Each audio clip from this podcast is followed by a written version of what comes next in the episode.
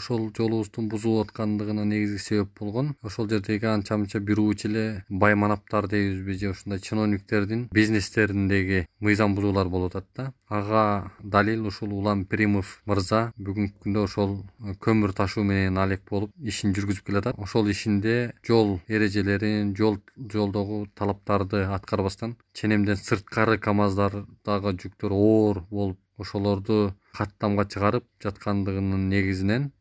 жолдорубуз э, бузулуп атат ап аткандыгын полный ошол видео фиксация кылып тартылган далилдерибиз бар да анан